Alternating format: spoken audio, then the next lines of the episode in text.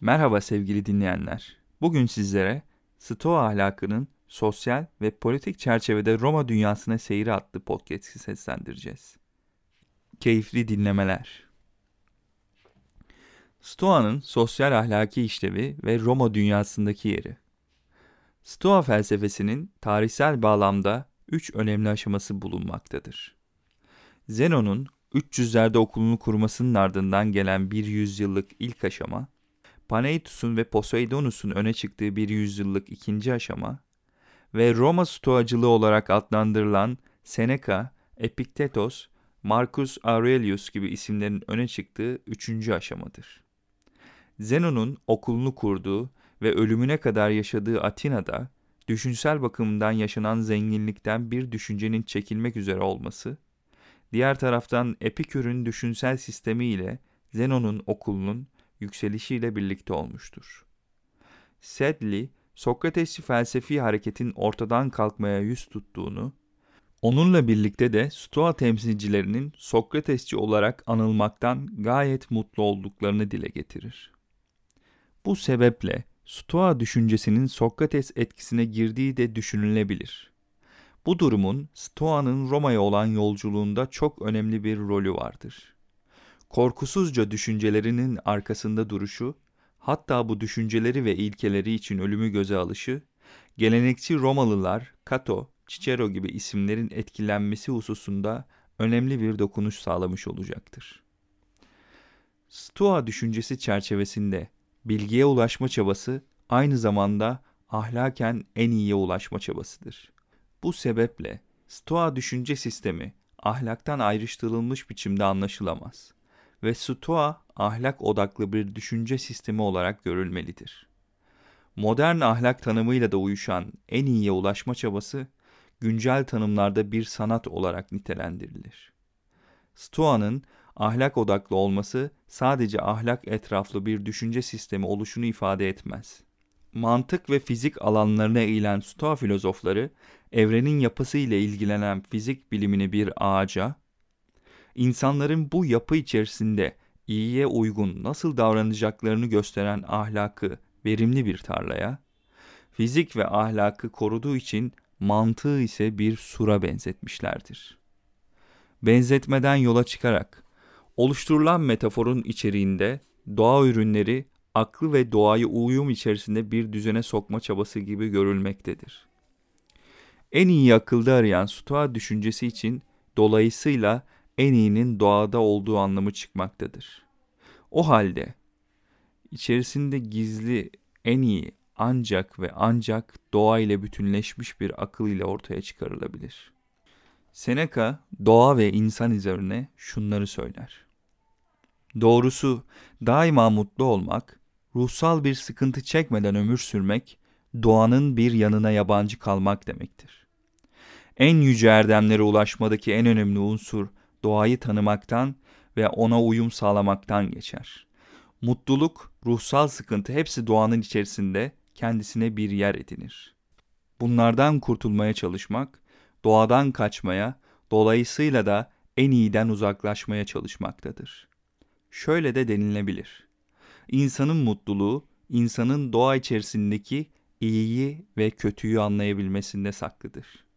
Stoa düşünce sisteminin bu tavrı Roma dünyasına kabul edilmesinde oldukça etkilidir. Romalı doğa ile iç içedir. Romalı bir askerdir. Bir ve bir çiftçidir. Fakat sadece çiftçi ya da sadece bir asker değildir. Doğanın içinde, doğanın kötülükleri yani savaşlarda bir askerken, doğanın doğurganlığı karşısında da bir çiftçidir.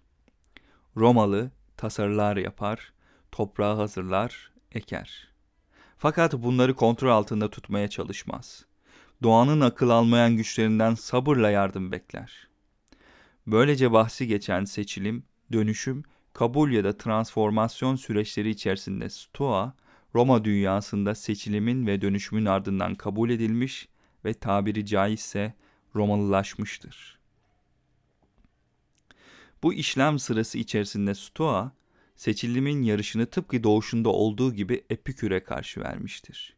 Hiç takipçisi olmadığı gibi bir sonuç çıkarılamayacak olsa da Epikür'ün Roma dünyasında yer edinememesi, seçilim aşamasında elenmesi, varlığını kalıcı bir etkiyle sürdürememesi yine Romalı'nın ve Epikür'ün temel karakteristik özelliklerinin çatışmasından kaynaklanmaktadır. Epikürcülüğün etrafında toplandığı atomcu felsefe, görünmeyene hatta görünemeyecek olana odaklanmışken, pratik zeka ürünü olan Romalı'nın işlevsel olarak hayatına dahil edeceği bir düşünce geliştirememiştir. Epikür'ün mükemmel teorik aklı, Roma'nın pratik aklı karşısında etkisiz kalmıştır. Bu sebeple gündelik hayatın içerisinden çıkan unsurlarla Roma dünyasının karşısına çıkmış Stoa, seçilimle dönüştürülmüş ve kabul edilmiştir. Her ne kadar pratik hayata dökülemeyen bir düşünce sistemi gelişmiş olsa da atomcu düşünce de doğa felsefesinden etkilenmiştir. Fakat şöyle bir ayrımı göstermek gerekmektedir. Atomcu düşünce bölünemez, yaratılmamış bir tözü ve oluşturduğu doğayı tanrısal yaratım yerine kendi kendisini oluşturmuş bir düzen olarak görür. Böyle bir düzen içerisinde toprağına ekmiş bir Romalı'nın ona ekinini alması için yardım edecek tüm unsurları ortadan kaldırması anlamına gelir ki bu pratik ve yaşamın her yerinde bulunan kutsal bakımından Roma dünyasında yer edinmesi imkansızlaştıracaktır. Epikürcü düşünce geleneksel Roma dinlerini de karşısına almak durumunda kalmıştır ki bunu en açık bir biçimde Lucretius'ta görürüz. Lucretius'un tutkusu dini gözden düşürmekti. Barrow 2006-88 Bu düşünce sisteminin kabul edilmesini zorlaştıran bir diğer unsur da genius ile imkansızlaşır. Roma geniusu her bireyi tanrılaştırır, kutsallaştırır. Romalı için numen, tanrısal irade her yerde ve her şeyde bulunmaktadır. Aile ocağının ruhunda Vesta, evin kilerlerini koruyan Penatlar, aile tanrıları olan Laresler, Roma yaşantısının her alanına yerleşmiş bir kutsallık vardır. Doğanın her alanını çevrelemiş kutsal bir düzen içerisinde tesadüfler üzerine şekillenmiş, kendi kendisini oluşturmuş bir düşünce sistemine belli ki yer verilmemiştir. Bu sebepledir ki dine karşı açılacak bir savaşın Roma'da kabul görmesi olanaksız gibi görünmektedir. Yazar Serdar Seyhan Okuyucu Rıdvan Tüzemen